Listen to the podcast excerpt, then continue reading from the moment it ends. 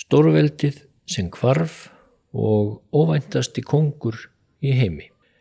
Hér rek ég hausin inn í ríkfallin sal í þeim kastala sem mannkinsagan er og reynið að kynnast hinn í dullarfullu þjóð Avara. Þessi teksti byrtist fyrst í fréttablaðinu þann 18. janúar 2014.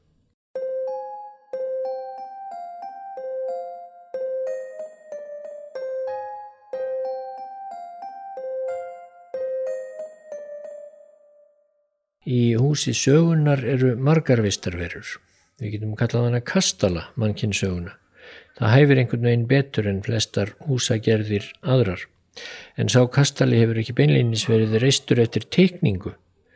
Heldur einn bútur í einu, bætt við nýjum sal þarna, en turn í allt öðrum stíl reistur á meðan á hinumendanum.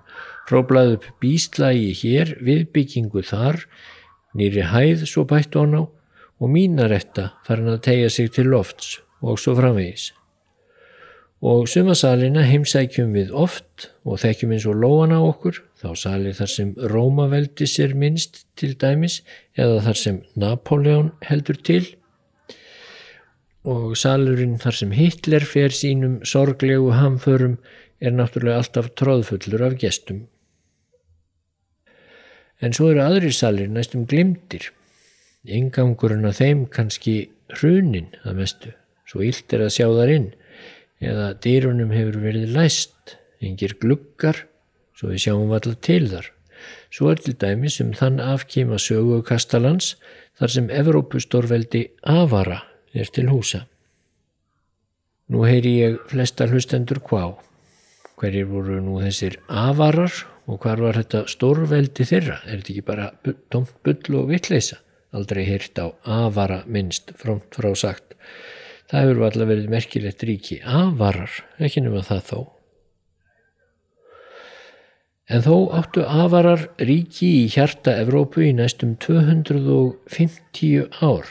Það er álíka langur tími og bandaríkin hafa verið við líði til þessa. Og ríki avara var engin smásmíði. Það náði þegar best léti yfir svæði sem nú heita Rúmenía, Ungverjaland, Tjekkland, Slovakia, Austuríki og yfir mörgafinnum fyrverandi Júkoslavíuríkjum og jáfnvel yfir Búlgaríu og svo landin í Þískaland, þar á meðal Bæjarland. Í 250 ár lifði fólk og starfaði, stríti, fættist og dó í þessu heilmikla veldi afara og samt er það svo að það hefur nær alveg glemst.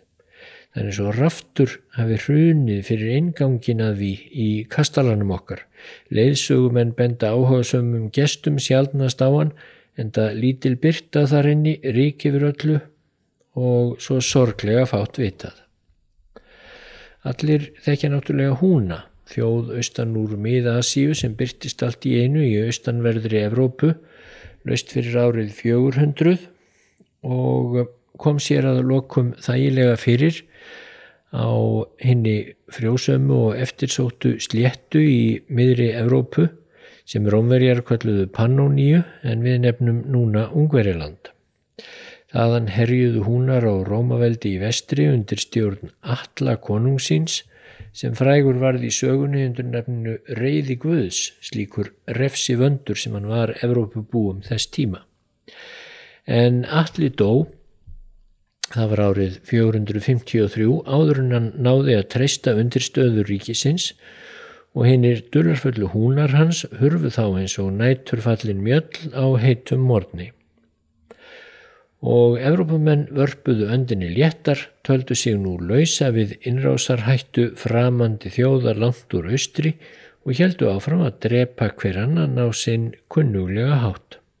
Ný þjóð kom að vísu austanað, búlgarar, en búlgarar gerðu sig í byli ekki líklega til stórræða. En árið 557, 100 árum eftir að húnar hörfu, þá dró til tíðinda. Justinianus, keisari í Bísans, en Bísans var arftæki Rómaveldis í austri, upplugt ríki um þær mundir, með aðsettur í Konstantinopel, Justinianus í Bísans fekk bóð frá nýri þjóð sem enginn hafði áður heyrt minnst á. Þar voru avarar komnir langleiðina að landamærum Bísans á Balkanskaganum. Avarar þessir höfðu þungvopnað rittarlið og voru því bersínlega engir villimenn. Þeir buðust í fyrstu til að leggja Bísanskeisara lið við að halda búlgurum og öðrum óþjóðalíð í skefjum en brátt gerðust avarar metnaðarfyllri og vildu sjálfur komast yfir lönda á Balkanskaga. Justinianus tók það ráð að gefa þeim gull svo þeir væri til friðs. Þeir þáðu gullið en hyrtu svo löndin líka. Norðan til á Balkanskaga gengur þeir í bandalag við germanska þjóðflokkin Langbarða sem þá bjó á Pannoníu sléttunni og saman réðust avarar og Langbarðar að gepítum en það var stolt germansk þjóð sem bjó á þessum slóðum og hafði gert út af við húna fyrir hundrað árum. Nú útrýmdu avarar og langbarðar gepítum svo gjörsamlega að svo þjóð er nálega alveg glemt. Það hefur beinlýnis verið boltað aftur kastala herbergið þar sem gepítar ættu að vera til sínis. Nefna hvað svo kvöttu avarar langbarða til að hafa sig á brott áður enn í otta skærist millir þessara tveggja bandalagsþjóða Langbarðar skildu fyrir en skall í tönnum og heipjuðu sig suður á Ítaljuskaga þar sem þeir hrifsuðu flest svæði undan bísansmönnum og fleirum. En eftir í mið-Európu urðu avarar og upplugt ríki þeirra var nú reysið. Í áratugi og aldir réðu avarskir herrar flestum málum í mið-Európu. Þeir stóðust Bísansríkinu fyllilega snúning söður á Balkanskaga og sendu Sigur Sæla rittara sína reyndar oft gegn keisurunum í Miklagarði eða Konstantinópel. Þess voru dæmi að þeir settust um borgina en líklega gerðu þeir þó aldrei alvarlega tilraun til að taka hana. Og í vestri heldu þeir sjó og rúmlega það gegn uppgangi Franka í Gallíu hinni fornu eða Frankalandi eða Fraklandi sem nú heitir. En hverjir voru avarar og hvaðan komu þeir? Það er nú það, svo sorglega lítið er endar um það og vitað. Sjálfsagt hafa þeir líkt og húnar haft gaman af að rekja sögu sína í miklum kvæðabálkum en því miður hafðu þeir ekki rænu á að læra að skrifa og festa sagnir sínar og sögur á bækur.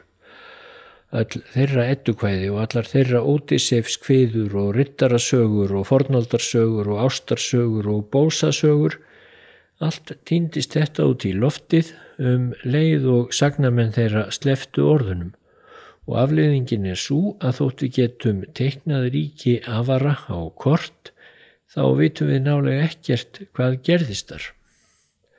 Við vitum eiginlega það eitt að avarar voru líklega alltaf fámenn yfirstjætt í landinu og þeir bönnuðu samneiti við slavneska íbúa í ríki sínu að því þeir óttuðust og vissulega með réttu að þjóðarvitund þeirra kynni að hverfa fljótt ef slöfum væri hleyft oflant upp á dekk.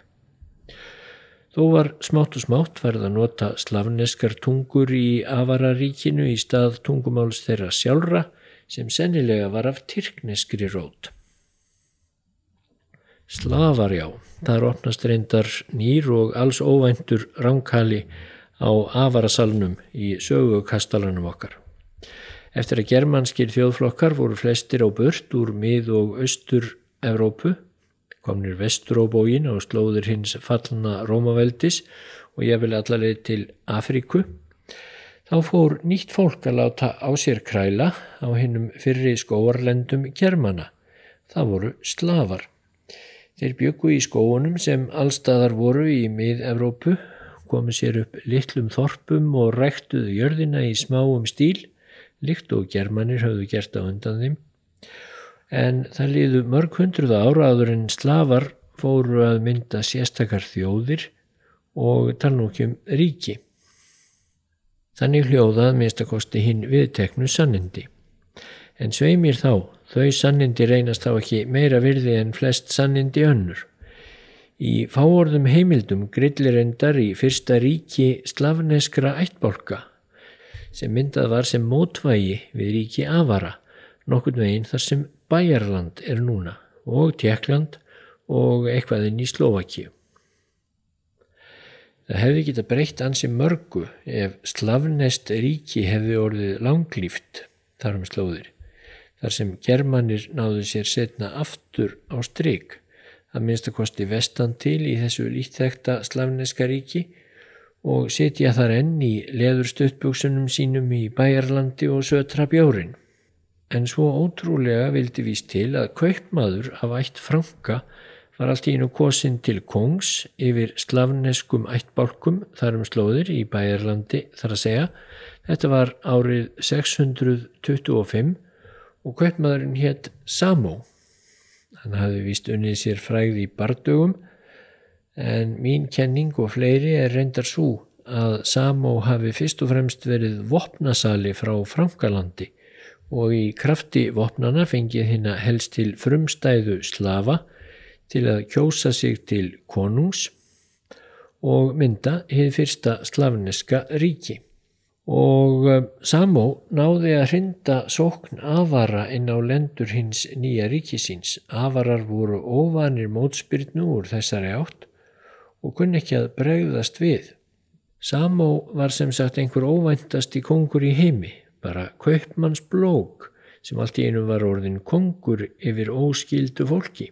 Óskup sem væri gaman að vita allir meira um Samó þennan. Hann var greinilega kall í krabbinu. Hann átti 12 eiginkonur, 22 síni og 15 dætur og ríkti allt til ársins 658 þegar hann dó. Engin af öllum hinnum mörgu sónum hans var þá talin burðugur til að taka við ríkinu og veldi Samós kvarf eins og dög fyrir sólu. Ríki Avara náði sér aftur á stryk og hjælt velli fram til um 800 þegar Karlamagnús Frankakongur sigraði Avara svo gjörsamlega í orustu að ríki þeirra sundraðist í þúsund móla og engin Avari hefur sést síðan en það voru þeirri víst meira minna þá runnir saman við slavneska þegna sína. Og kvílik synd að ekki sé hægt að varpa öllu meiri byrtu en þetta á þennan glimta sal kastalans okkar en glemda sal sem geymir þó eins og allir sögusalir aðrir svo langa og mikla sögu.